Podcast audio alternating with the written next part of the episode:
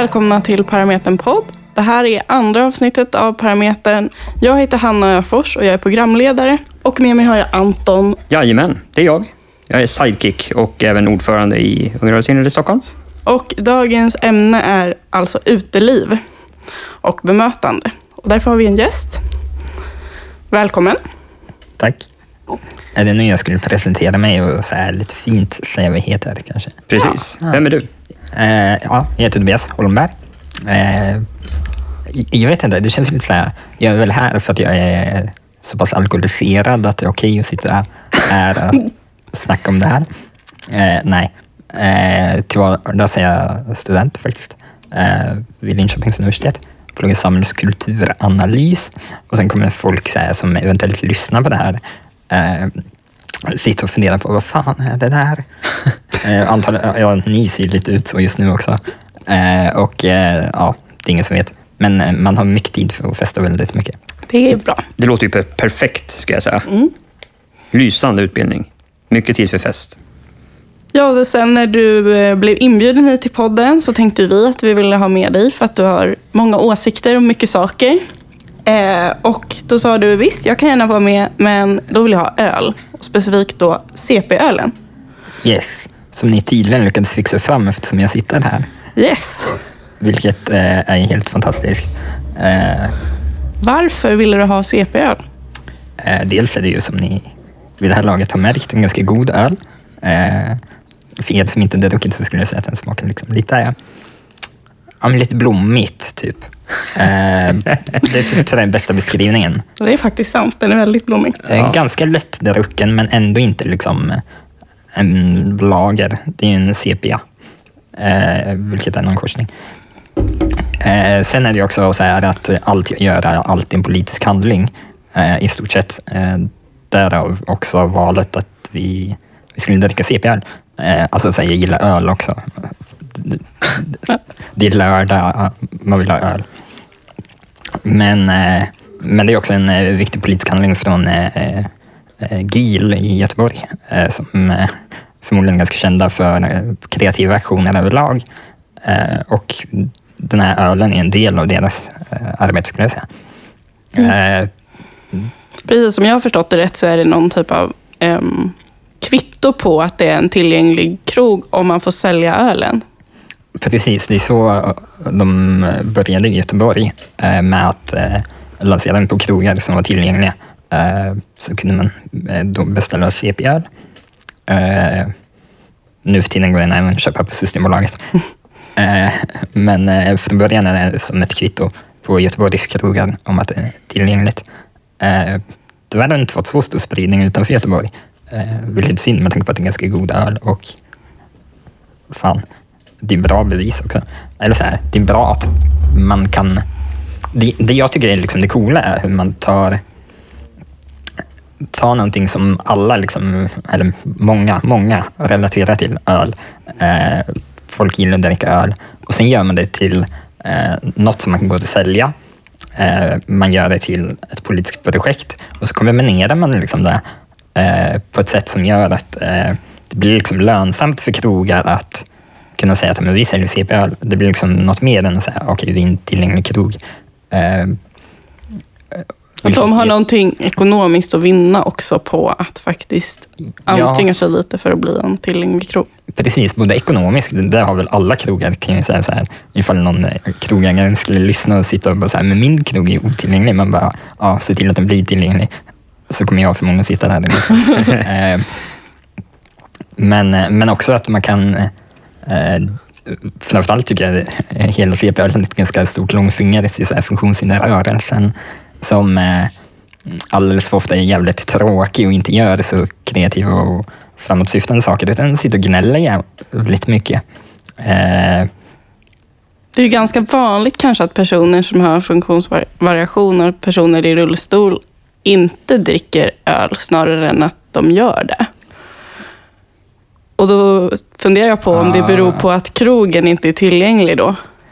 Alltså jag tror för det första att du har fel i det påståendet. Eh, för jag känner då ingen invalid som inte dricker öl. Eh, om, åtminstone ibland. Eh, eller väldigt få i alla fall. Eh, så jag håller nog inte med om påståendet. Utan det är nog väldigt mycket en samhällsfördom skulle jag säga, att man inte dricker öl.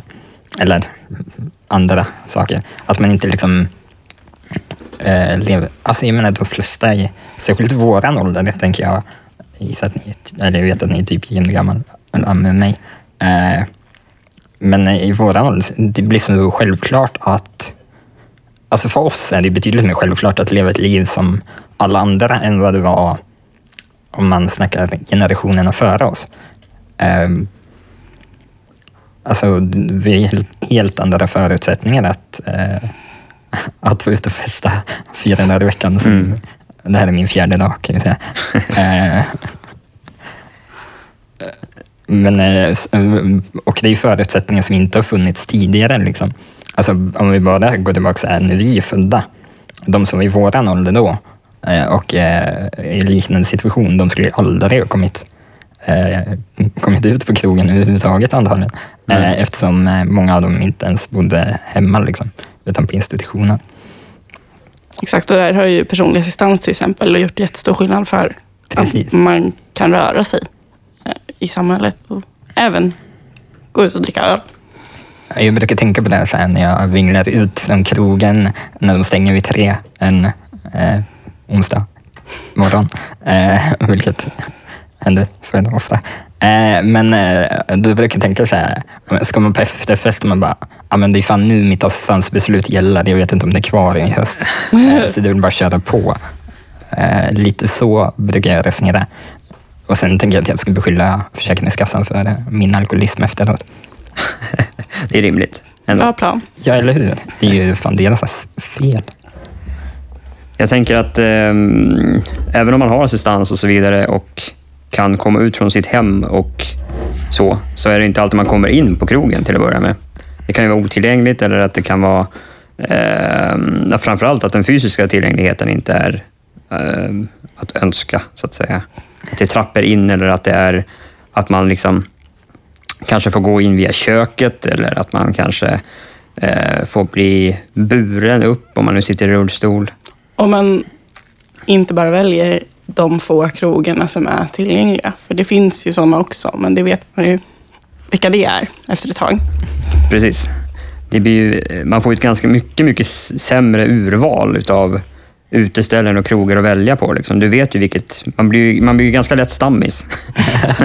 liksom. ja, men där tänker jag också, för att koppla tillbaka till vad vi tidigare snackade om, alltså det största beviset på att du som krogägare har något att tjäna på att tillgänglig är ju så här, ja, men det är ju där alla invalider kommer hänga också. Ja. Eh, ja. Eh, för alltså, jag bor, bor ju i Norrköping, eh, vilket har kanske inte riktigt samma utbud som eh, Stockholm, Eh, när det kommer till krogar. Men eh, vi har faktiskt flera olika. eh, men där är det mest ironiska är att studentkrogen som heter eh, Trappan eh, jag, jag har haft jättekul åt det här i två års tid. Men det är också den mest tillgängliga krogen i hela Norrköping. Är det sant? Eh, ja. Fantastiskt. Eh, det är underbart. Det är så gammal industrilokal, alltså vi snackar tidigt 1900-tal. Helt fantastisk miljö och så jävla tillgängligt. Och så heter det Trappan. Det är liksom möjligen namnet som sticker i ögonen lite. Det är ju fantastiskt. Väldigt, väldigt passande namn måste jag ja, säga. Jag Hur tänkte de där? Alltså, det, jag vet inte var det kommer ifrån om jag ska vara ärlig. Men mm. alltså, det finns ju trappor, men det finns hiss också. Liksom. Eh, det är två våningar. Det hade varit märkligt om du hade hittat hissen i och för sig. ja, fast Varför det hade varit lite coolt. Ja. Jag ska fan föreslå att de ska byta namn. Byta namn till hissen. Så får vi starta en egen krog som heter Hissen. Vägg i vägg. vägg, i vägg. Bredvid trappan ligger hissen. Det är perfekt. Um, och sen när man väl kommer in på krogen, då, om det nu är tillgängligt, hur upplever ni att man blir bemött Alltså på själva krogen. Är det så här, ja, kul att den funktionsnedsatta får komma ut och röra på sig och träffa folk? Och, eller är det, så här, är det mycket sånt? Eller vad, hur, vad har ni upplevt? Liksom? Jag vill nästan återkomma till hur man kommer in. Alltså för att eh, det tänker jag är så här, visst att om du kommer in, om det finns en hiss, om allting ser ut som att det är bra, så kan det fortfarande vara att du behöver gå igenom köket. Mm. Och då tänker jag att man kanske inte, eller jag personligen skulle inte känna mig så himla välkommen dit. Trots att det, det kanske finns trevlig personal och så vidare. Så att bemötandet går ju ihop med, eller känslan av bemötandet går ihop med den faktiska fysiska tillgängligheten, tänker jag. Definitivt. Jag, jag håller med. Eh, en, av, en av mina stammisställen eh, är en typisk så eh, här, fruktansvärt eh, otillgänglig. Eh, det är stammisstället för att det ligger närmast och är billigt. Liksom. Eh, men eh, med det måste man gå in bakvägen, vilket jag har tjafsat med dem så många gånger. Eh, men också så är det så här, eh, ja, men det, det är en ständigt pågående konflikt i mig själv. Att så här, kompromissa med att gå in bakvägen kontra att vara på en av de liksom mer inne äh, nattklubbarna i, i stan. Liksom. Äh, och där alla mina kompisar också vill hänga. Liksom. Mm. Äh, det blir ju ja, alltid en konflikt, men jag envisas ju alltid med att släppa med mig hela gänget jag kommer med eh, runt bakvägen, vilket eh, den krogen kanske inte är jättestort fan av, för att de vill inte ha massa fulla människor som springer omkring bakom eh, ja, bakom kulisserna så att säga. Men, eh, men eh, de vill också att vi ska gå in och eh, så brukar jag alltid göra jävligt mycket poänger av att så här, vara jobbig. Det känns som att de får ju kanske ett ytterligare incitament för att anpassa om de får stå ut med att det springer en massa fulla eh, personer i köket. Liksom, eller så. Ja, det är inte riktigt köksingången, men nästan. eh, det är sceningången faktiskt. Eh, vilket är lite kul, för de har också jävligt mycket spelningar, så man kan ju springa på lite random människor bakvägen. Det är ju en fördel. det, det kan ju ses som en fördel. Också är de dåliga på att ta betalt om man går in bakvägen. Vilket mina kompisar tycker är fantastiskt. Jag är väl lite mer kluven. Alltså fine, jag är begränsad ekonomi, men eh, ja, jag plankar ju hellre in vanliga vägen än plankar in bakvägen. Eller gör ett ett aktivt val. Eh, men eh, det ironiska är också att Norrköping Pride brukar ha sin efterfest eh, på det här stället. Eh, vilket var jättekul förra året. Eh, jag vet inte om ni har sett den, men eh, jag har en Pride-tatuering på min arm som är en transsymbol eh, och sen är det en rullstolssymbol ihop blandat. Och sen finns det liksom regnbågsflaggan bakom det. En tatuering jag gjorde i samband med Norrköping Pride för några år sedan. Vilket då den här krogen använde i sin marknadsföring förra året. Mm.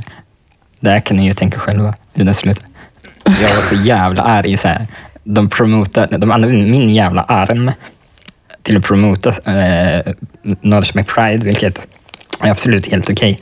Okay. Eh, men eh, så kommer de liksom så här promota sin efterfest och man bara, ja fast vi har inte kommit ut i garderoben för att gå in bakvägen. Det är liksom inte det som var poängen när man kom ut i garderoben. Eh,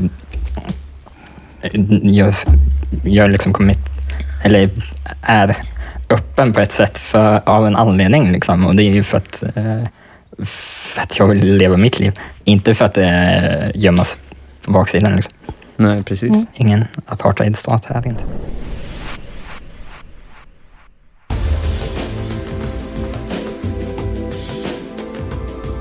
När man väl kommer in på krogen då, hur eh, tycker ni att man blir bemött när man väl kommer in av andra, av andra gäster och så vidare, eller av personal? Eller Tycker de att det är så här, ah, vad duktig du är som kommer ut, eller ska han verkligen dricka öl? Han sitter ju i rullstol. Hur kommer det här gå? Vem tar hand om honom? Och så vidare. Är det något ni upplevt eller vad känner ni? Liksom? Alltså jag, jag tänker så här, eh, självklart, jag har upplevt allt. Eh, allt från folk som försöker eh, liksom, ja, nej, vi ska inte gå in på det. Här. nej, men eh, jag har verkligen råkat ut för eh, folk som Eh, eller, ja, så här, de roligaste jag råkat ut för är nog de som så här, försöker ragga på mig för att de tycker synd om en. Man bara säger ja fast eh, jag är här med folk av en anledning. Det är liksom inte för att du ska komma och ragga på mig, utan jag har redan fixat mitt ragg. Eh, det är nog min favorittyp, men jag skulle säga att det finns lite olika typer. Det finns ju också, ja, som du är inne på, folk som så här, eh, är mer åt hållet så här, men ja, kan du också vara ute eller ska du också vara ute? Och, men, kan du, ska du verkligen dricka mer? Eh, vilket förvisso är en relevant fråga ibland. men, Allt som oftast. Kanske. Kanske inte så mycket kopplat till själva stolen. Nej, exakt. Eh, och, eh, ja, men det är en sak när mina kompisar eh, kommer säga att du ska nog inte dricka mer, Men, för de känner mig eh, och eh, kanske har en poäng. Men, men random människor är så här, vadå? Kan du verkligen dricka? Man bara, ja. Och då blir jag alltid lite så här mer envis också och ska bevisa att jag kan det. Så då tar man två shots till. Ölhävartävlingen. Ja, det är då alla här tävlingen. Jag tänkte att vi skulle avsluta med det. Jag tänkte Ja. det. Ja, jag tänkte det. Ja, varför inte? Eh, men, då, ja, men det blir liksom så här... Ja, det, det är en kul typ. Men eh, framförallt, eller jag skulle säga att... eh, Eller det finns en anledning att jag har väldigt mycket stammisställen som jag alltid går till. Det är för att jag vet vad det är för folk som hänger där. Eh, och folk känner, känner igen mig vid det här laget. eh, vilket liksom är skönt, för då liksom är man förbi eh, det att folk ska, ska ifrågasätta vad man gör där. Och, Mm. Eller eh, tycka, eh, komma fram och tycka att det är jättekul att man är där. Man bara, går du alltid fram till folk och säger att det är kul att de är där? Eller? Eh, Precis. Det är raggningsrepliken. Ja, Kul, att- kul att du är här. ja. I wish. Kanske ska testa den. Precis. Vi glider fram till någon och bara, vad kul att du är här. Ja, men det- jag brukar ju typ kontra med sådana saker. Men åh, gud vad kul att se dig. Har du fått gå hit själv? Ja, Precis. Eller hade mamma med kanske? Precis. Men eh, jag tänker att det är ju vanligt att det är så här, folk, folks fördomar verkligen, eh, vad ska man säga, eh, spiller över är väl ett eh, ord eh, som inte kanske är jättepassande. Men, eh, men jag tänker att det, är ofta när folk har fått i sig lite alkohol så börjar de ju alltid deep-talka om att så här, "Åh", man ska, måste ju alltid berätta varför man sitter i rullstol, tänker jag. Det är ju fruktansvärt vanligt.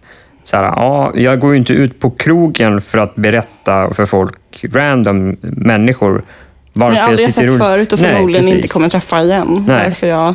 varför man sitter i rullstol. Det är ju, sen kan det ju vara att så här, man... Eh, jag förstår väl att folk undrar, men jag tänker att alltså, då får man väl undra för sig själv. Det är Alltså, också vad lite typiskt att man ska behöva dricka alkohol för att våga fråga en sån sak. hur? och fråga en person man aldrig har träffat förut. Ja, verkligen. Verkligen. Det är lite som att jag... ja, Där kanske man ska känna det som ett så här, Varför har du blå ögon? Exakt. Jag kollade på Anton och så har inte han blå ögon. Det blev lite fel kände jag. Varför har du blå rullstol och inte jag? Nej, jag vet inte. Men ehm, det är ju någonting också så här, det, jag tycker ändå att det är viktigt att typ ehm, försöka så här, göra det... Alltså, det är viktigt för alla i rullstol, känner jag, att så här, någonstans våga eh, vara ute på krogen och visa sig för att någonstans normalisera att det är inget konstigt att vi är här, utan vi är ändå så här, eh, en del av samhället, som alla andra. Liksom. Ja, sen tror jag att de här konstiga kommentarerna kring så här, kul att du är här och shit vad cool du är och typ sådana saker ehm, kommer försvinna också då. Ju vanligare det är att man kommer men det är antingen ett gäng personer i stol eller liksom lite utspritt med andra vänner som man har. Mm. Eh, så desto bättre är det ju för andra som ser bara att så här, men det är bara en person. Liksom. Men, det, är, eh, det är ju så länge det är ovanligt som man kommer behöva ta det där. Ja, verkligen. Va, vad säger du? Har du vänner som inte sitter i rullstol? Va? Är det sant? Eller hur? Lyxinvalid. Alltså det kan jag tänka. Eh, för, jag säga, hemma i Norrköping, rent krasst. Jag eh, hänger i huvudsak med folk som inte är invalider faktiskt. Eh, nästan enbart. Eh, vilket gör så här, när man kommer typ hänger med. Ja, men som Anton och jag har ju ändå varit druckit öl förut. Eh, Har hänt. kan hänt. Eh, och, och då är det så här, men då kan jag komma på mig själv och tänka på så här, men nu tycker folk det är jättekonstigt för nu är vi två invalider. Liksom. Det är en sak om man är en invalid i ett större sällskap och icke-invalider. Mm. För de är så här, ja, men deras eh, legitimitetskort som visar att de är ett PK-gäng. Liksom. Eh, eh, Men när man kommer två invalider, inte bland massa icke-invalider, då blir det mycket så här konstigare. Då kan jag själv tänka på att så här, men nu tittar folk. Nu tittar förmodligen folk oavsett faktiskt. Men eh, det är då jag börjar fundera själv. Och så får jag lite dåligt samvete för att det är så här, vadå, det spelar väl ingen roll eller? Eh, Men eh, Men det blir som också, upplever jag, någon typ av gräns. För att om man är ett större gäng, vi har också varit ute och liksom Mm. druckit öl, men då har det ofta varit flera personer. Och då tänker jag att då är det ju nästan mer okej för att det är då är det blir som invalid att man infriar föreställningen om att invalider bara kan umgås med varandra och så är det en aktivitet med eh, liksom ett tiotal personer. Mm. Så Då, då, då är det då någon liksom, som har... Ja, ja, men då är det någon som har tagit hit den här eh, verksamheten som Exakt. de håller på med där Det i finns säkert någon bra personal i närheten. Ja, precis, Som, som har koll, så att se till så att de inte... Så att det inte spårar. Så Exakt. att inte Anton dricker för mycket. Exakt. Men eh, jag håller mig helt med faktiskt. Ehm, det är, jag vet inte riktigt. Det är lite problematiskt på något vis, kan jag tycka. Alltså eh, hela, hela eh, grejen, fördoms... Alltså det är ju folks fördomar som gör att... Eh, jag vet inte riktigt. Du var inne på det, att du, ehm, det enda sättet att få det att försvinna är att normalisera hela grejen. Liksom. Att eh, visa sig ute och verkligen så här, försöka ta del av samhället på så mycket som det går. Liksom. Ja, och gärna egentligen lite mer än vad det egentligen går. Därför att det är så man tänjer på gränserna. Mm, precis. Det kan jag verkligen säga känna. När jag började plugga, eh, när man börjar plugga program, så är det ju alltid en eh, ja, men, noll-P kallas det hos oss. Jag vet inte om det heter annat på andra ställen. Men eh, liksom en introduktionsperiod. Då är det väldigt mycket fest. Eh, typ varje dag i två veckor.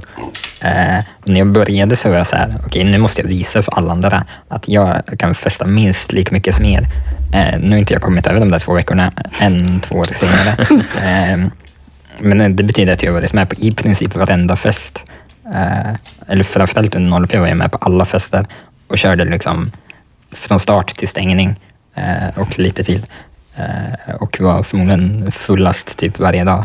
Eh, bara för att just så här, ja, men, hävda att ja, men, ja, jag är ju invalid, det är, det är ingen hemlighet. Liksom. Eh, men jag kan köra på ändå, liksom. det är inget som hindrar mig. Mm, Samtidigt kan jag känna så här, men man ska inte ha det ansvaret. Alltså så här, vi människor, eh, man pallar fan inte festa varje dag i två veckor. Men problemet är väl att man blir politik. Exakt. Speciellt när man är ensam eh, i den situationen som du. Ja. Att då blir det ju, allt du gör blir ju en politisk handling. Men Sen precis. kan man den vara mer eller mindre medveten och i ditt fall ofta ganska medveten om jag förstått det rätt. Väldigt medvetet. Men Ja. annars, eh, det Eller- är ändå oavsett så blir det ju det. När man shottat två absint och eh, fyra tequila så är man inte medveten. Men, men det är en politisk handling fortfarande. Ja, precis. Ja. Men eh, samtidigt kan jag tänka att så här, det är också ganska... Ja, men jag kan ändå uppleva att det blir en press i den här rollen. För att jag känner ett ansvar mot eh, typ så här, alla andra invalider. Eh, att säga, men okej, okej, nu kör, fine, jag kanske är den första eh, invaliden som körde så här. Eh, liksom all in studentliv, i alla fall i Norrköping verkar det som det. Det finns säkert någon. Jag ska inte förringa om det är någon som gått före, men det har inte märkts. så jag kan känna ett ansvar så här, men verkligheten är att eh, personer med funktionsnedsättningar får uttrycka sig lite mer PK. Eh, Ja, men jag tänkte faktiskt skulle säga det. Ehm, vi kanske ska förklara eller kommentera det faktum att vi pratar om invalider här, som att inte det vore någonting överhuvudtaget att diskutera. vi kan ta det sen. Ja. Eh, men jag tänker det faktum att personer med funktionsnedsättningar inte är eh, lika representerade i högre utbildning. Mm. Eh, alltså det faktum är att eh, det är färre personer med funktionsnedsättningar som pluggar vidare än vad det är eh, av icke-invalider. Eh, normater, så att säga.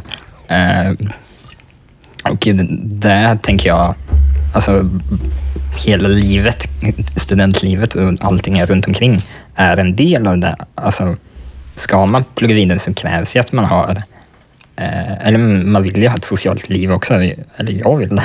Eh, jag, jag, har en- jag har ett extremt behov av att ha ett socialt liv. Eh, och eh, då måste ju liksom, eh, måste man bana väg på alla områden. Alltså, jag menar, jag ska kunna supa bort mina studier om jag vill. Eh, det, är inte, det är där valet ska ligga, det ska vara mitt val. Nu lyckas jag göra både och, typ. Det vill säga avsluta studier och supa jävligt mycket. Eh, Snyggt. Ja, nej, jag vet inte. Men eh, jag kan rekommendera att skriva en uppsats efter två, tre öl. Ja, Ja, Det det är mer det är ändå kreativt. bra. Ja, Ja, man är mer kreativ alltså. kan tänka mig det. jag har testat, det är bra faktiskt. Men jag tänkte på det som du sa, eh, där att vi pratar om invalider och funktionsvariation och funktionsnedsatt. Mm. Jag tänker att, eh, vad ville du ha, vad ville Men du jag ha sagt så här, med det är det? ett ganska kontroversiellt uttryck. Att, Just invalid, att vi ja. pratar om invalider. Så vi kanske borde förklara hur, hur, hur vi tänker, tänker jag. Så här, varför säger vi invalid? Mycket Varför väljer du det ordet? Eh, jag anar att det är mitt fel att vi pratade om invalider här. Det är inte ditt fel. Men jag tänkte, det var ändå du som bytte. För ett tidigare avsnitt av den här podden så har vi inte pratat om invalider. Nej. Eh, jag använder, eh, det här är inte, verkligen inte okontroversiellt, eh, men jag använder invalid väldigt mycket. Så här. Jag tycker det är min sak att definiera vad jag är. Och invalid är ett förlegat uttryck. Det är definitivt inte PK. Det är det var det vedertagna begreppet i Sverige fram till ja, 60-talet kanske. Eventuellt ännu senare. Mm. Eh, när man började byta mot eh, då handikappad, vilket är ett mycket värre ord. Ja. Eh, det är ett ord jag får rysningar i hela kroppen av.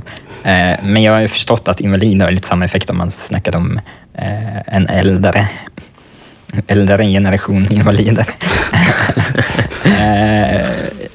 jag satt på ett möte en gång och råkade säga det här, eh, där det satt personer som liksom verkligen upplevt tiden när de kallades invalider. Ja, det Eh, kanske inte var så populärt. Stelt. Nej, nej, det var lite stelt. Eh, kan be om ursäkt för det. Eh, ifall de lyssnar. Men, eh, men jag använder invalid. Li, alltså, jag tänker lite som att eh, hbtq-rörelsen tagit bögbegreppet. Alltså så här, rätten att definiera sig själv. Alltså jag har rätt att säga vad fan jag vill om mig. Men, men eh, jag har inte rätt att gå och, kalla andra vad som helst. Liksom. Nej, men då är nästa fråga, hur reagerar du om någon kallar dig för invalid? Som då alltså inte kanske är din kompis, vilket jag antar skulle kännas mer okej. Ja, ja, mina kompisar har nog varit som vill eller inte börjat använda invalid. eh, men eh, jag skulle förmodligen reagera ganska starkt eh, och tycka att, eller alltså jag har ju råkat ut för det när jag tänker efter. Eh, men, eh, eller då blir det blir också så här, invalid är så pass förlegat idag att det är väldigt, väldigt få som på riktigt använder det. Mm. Eh, Men, men typ när någon säger handikappad så som sagt jag får rysningar i hela kroppen. Och det är ett begrepp jag verkligen inte skulle ta i min mun. För att ens beskriva mig själv. Liksom. Inte ens, för mig är det inte ens ett begrepp som går att ta över. Det är liksom fyllt med så mycket värde fortfarande. Mm. Eh, Men det absolut korrekta är ju att prata om, eh, jag brukar när jag ska vara riktigt super-PK, eh, prata om människor som avviker från funktionalitetsnormen. Mm. Vilket är väldigt så här PK. Då har man täckt allt. Liksom. Ja, men då sätter man liksom individen först, människor. Du är en människa först. Du är inte en invalid först. Eh, och sen, ja, okej, Anton är invalid. Han skakar på huvudet. Jag, menar, jag tänker, då har vi människor först, alltså en människa. Eh, person funkar också, om man vill vara lite... Människa är ändå ett maskulint laddat ord. Då kan person vara bättre. Eh, och sen eh, konstaterar man att ja, det finns en funktionsnorm i samhället eh, och eh, vi följer inte den. Det, är liksom, så är det.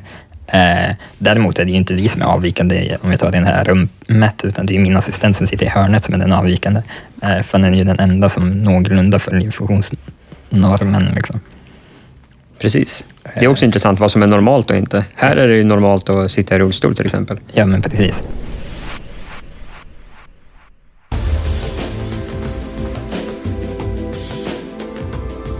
Om vi ska hoppa tillbaka till själva bemötandebiten på på krogen och så vidare. Hur eh, blir man bemött som funkis av personal på de här ställena? Då? Blir man så här, ja det är klart att vi det är också så här, tillbaka till din tillgänglighetsfråga. Blir man så här, många, på många ställen jag har varit på i alla fall så är de så här, alltid jättehjälpsamma och bara, men vi kan lyfta, hej och hå, det går bra.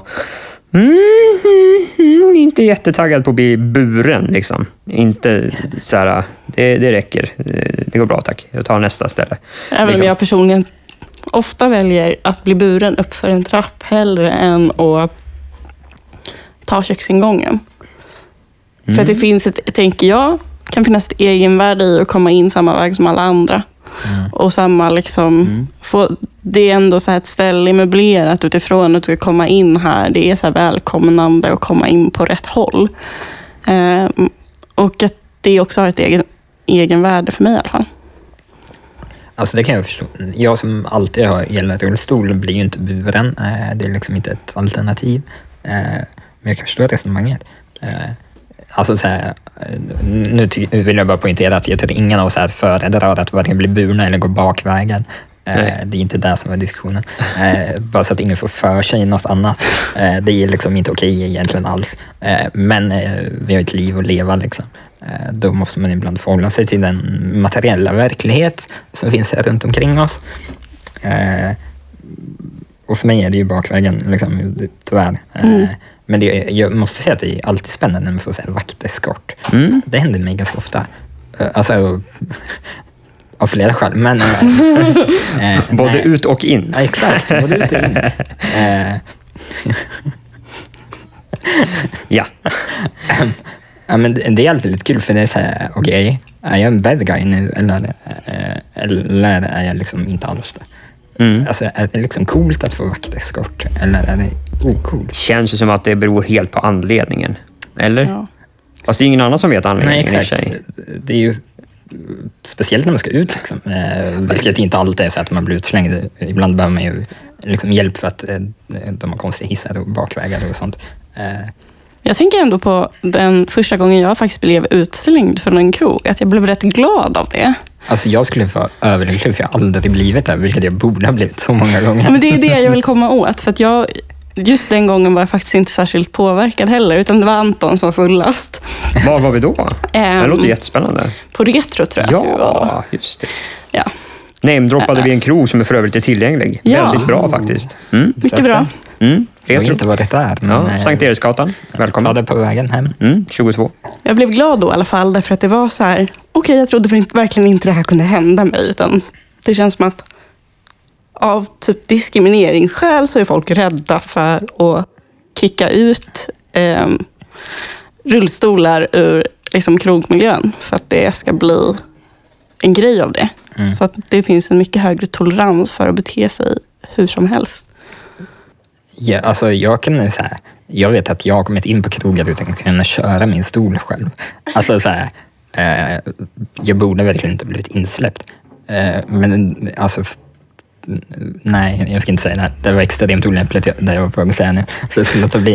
Eh, men eh, men det, det är liksom så här, man är ju ganska nöjd just då, för att hej, man får komma in och fortsätta supa. Men eh, rent krasst, så- alltså jag skulle, jag är ju lite på ditt spår också. Jag, jag har fan ett mål att bli utslängd någon gång. Ja. Måste fan fixa det. Kanske ikväll. Planen är klar. Efterfest. Eh, men eh, absolut, jag håller helt med. Det är ju verkligen så här... Eh, jag tror mycket hänger på att de är, de är verkligen så här, rädda för att åka dit för någon sorts diskrimineringsgrej. Det har man ju sett, det har man ju sett ganska mycket. Det var ju tidningen här... Alltså det vill jag också poängtera att det är jävligt bra om de är rädda för att åka dit för diskriminering. Ja, men- för det ska de vara. Absolut, i och för sig. I och för sig. För att det har varit många fall där varit det och ju senast bara här om veckan, det var någon som hade stod i tidningen om någon som skulle åka Siljansbåten, Siljafärjan, liksom, Galaxy eller vad det var för något. Och han fick inte åka för att han var, ansågs för påverkad, fast han hade inte druckit någonting utan bara hade en CP-skada. Ja, just det. alltså jag, jag tänker att det är liksom där jag var på väg att säga förut när jag censurerade mig. Eh, Att det- man kan alltid liksom dra CP-kortet. Eh, Jag som inte har en CP-skada eh, vanligtvis eh, kan sitta ganska rakt eh, eh, kommer ju kommer undan med det Kom- ändå. kan ju ändå komma undan med det, liksom, för att så här, alla invalider är ju likadana i normatens ögon. Normat, alltså personer med icke-funktionsnedsättning. Mm. Ja. Jag Sen är att- frågan om man ska, om man ska göra det eller Ja, ja, ja, inte. Det känns väldigt så här tveksamt. Det var inte en eh, värdering. Ett tips. Det, de facto är att man gör det, men eh, om det är positivt eller inte, det går ju att diskutera. Ja, jag kände bara... Kanske inte jätte, jättebra. Och liksom understryka den bilden av att alla invalider är samma person. Det är vi ju inte. Nej.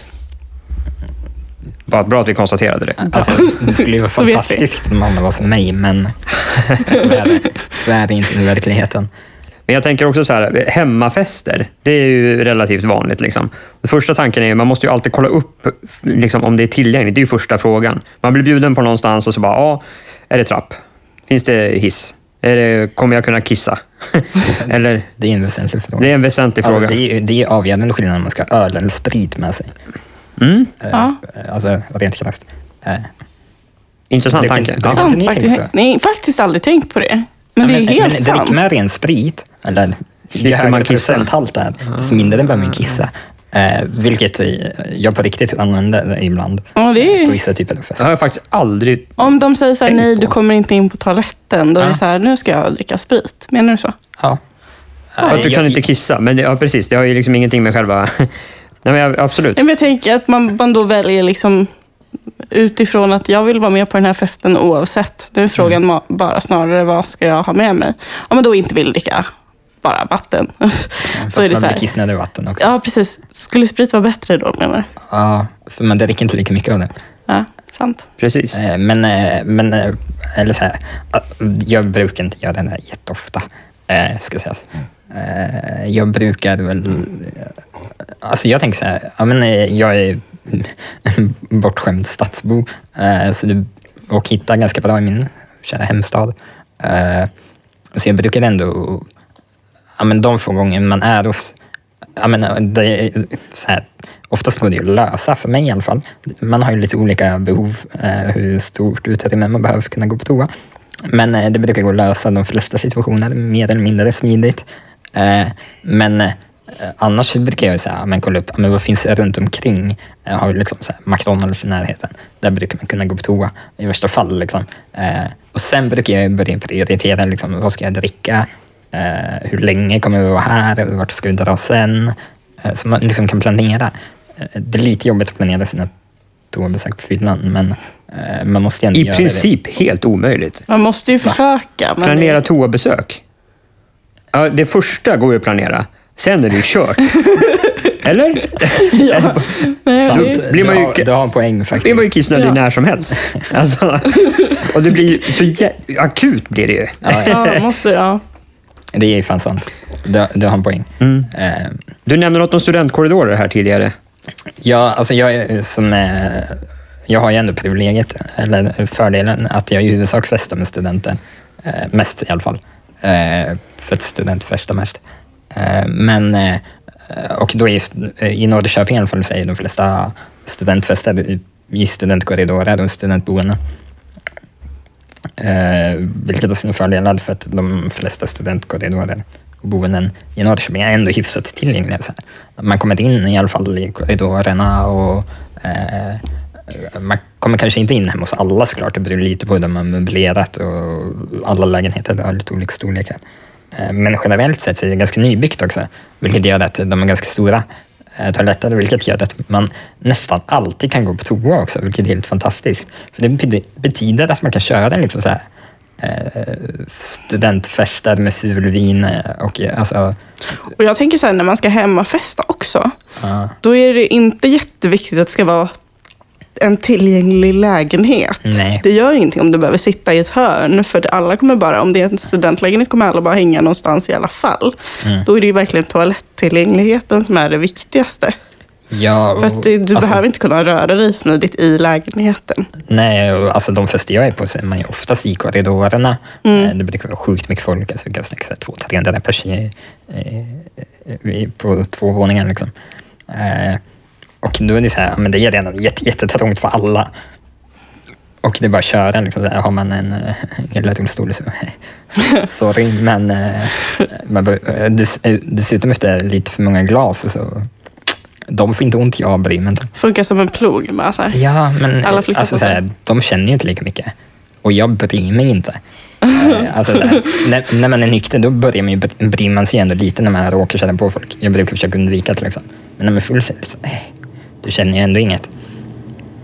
Vilket eh, ändå är så här, ja men, eh, nice för mig. Eh, men sen kan ju, det var något mer jag tänkte. Jo, men det gör ju också att man är sällan i en trång lägenhet. Liksom. För man har oftast ganska stora ytor ändå, eh, när man snackar korridorer och sånt.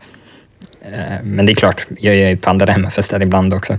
Eh, och då kan det ju vara trångt och oftast sämre tillgänglighet också. Eh, vilket är lite synd. Men jag, jag brukar ju också köra ganska mycket hemma hos mig för att då är det mina villkor. Liksom. Ja. Eh, vilket är nice. Men det är ju Ja, det är ju lite tråkigt att behöva städa jämt också. Sen är det där att tillgänglighet kan vara olika äh, saker för olika personer. Ja, och att det då är så här, även om man själv är invalid och har så en tillgänglig lägenhet, en tillgänglig bostad, så behöver inte det vara tillgängligt för någon annan som kommer dit egentligen. Nej, exakt.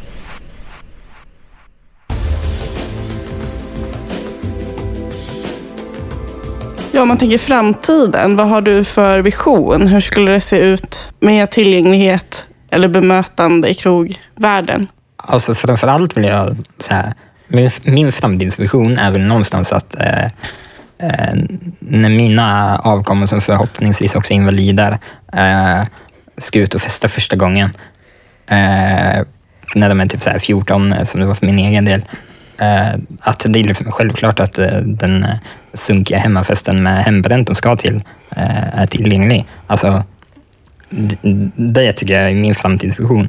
Eh, att, eh, att de ska kunna delta mm, på, och göra alla dumheter som man borde göra när man är 14.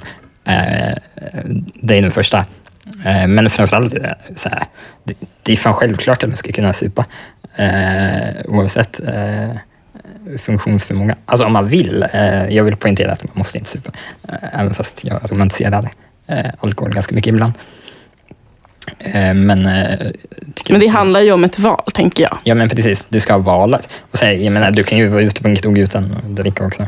Eh, har jag hört. Precis. Vi, vi, det, vi vill ju kanske poängtera det också, att vi är ju för det fria valet här. Man ska ha möjligheten och valet att liksom få Fan, göra det man vill. Det låter nu. Ja, men, ja, det är möjligt. Men eh, jag vill ändå bara poängtera det, att det inte liksom... Det Vi, handlar inte om att man måste dricka en massa alkohol, utan Nej, det det handlar om ska- att om man vill göra det så ska det gå. Exakt. Skål. Skål. Vi ska väl börja avrunda här, och så jag tänkte bara fråga dig om du har något eh, medskick till nästa gäst.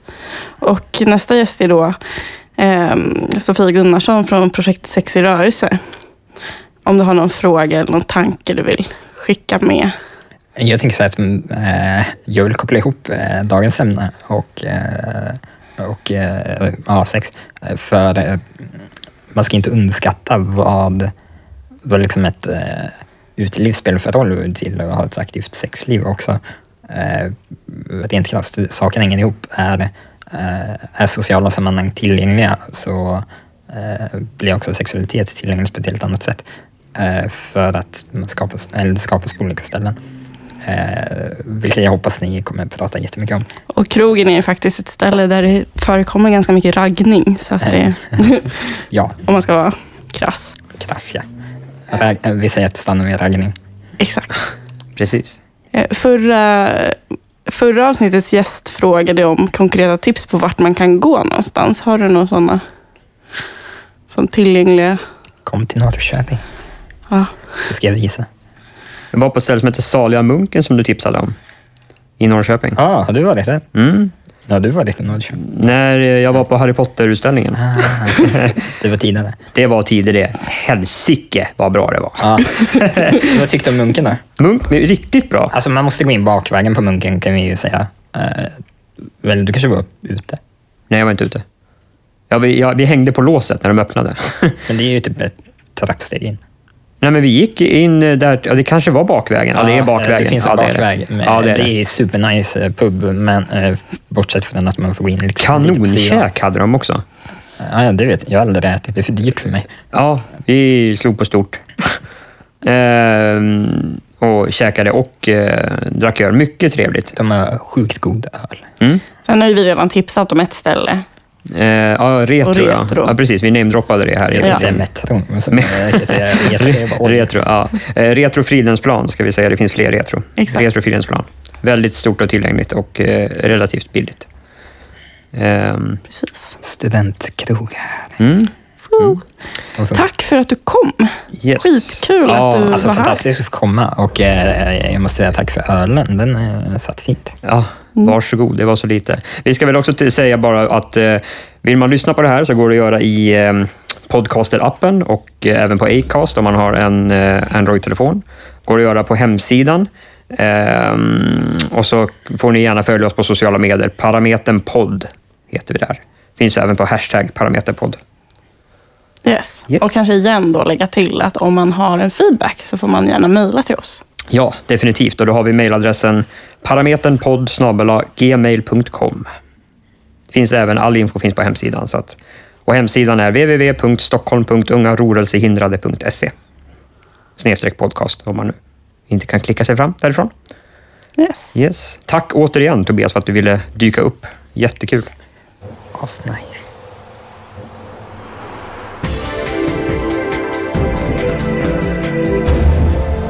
Du har lyssnat på Parametern podd, en podcast av Unga rörelsehindrade Stockholm. Programledare var Hanna Öfors och Anton Boström. Producent Johan Bramstång. Lyssna gärna på vårt nästa avsnitt. Tack så mycket!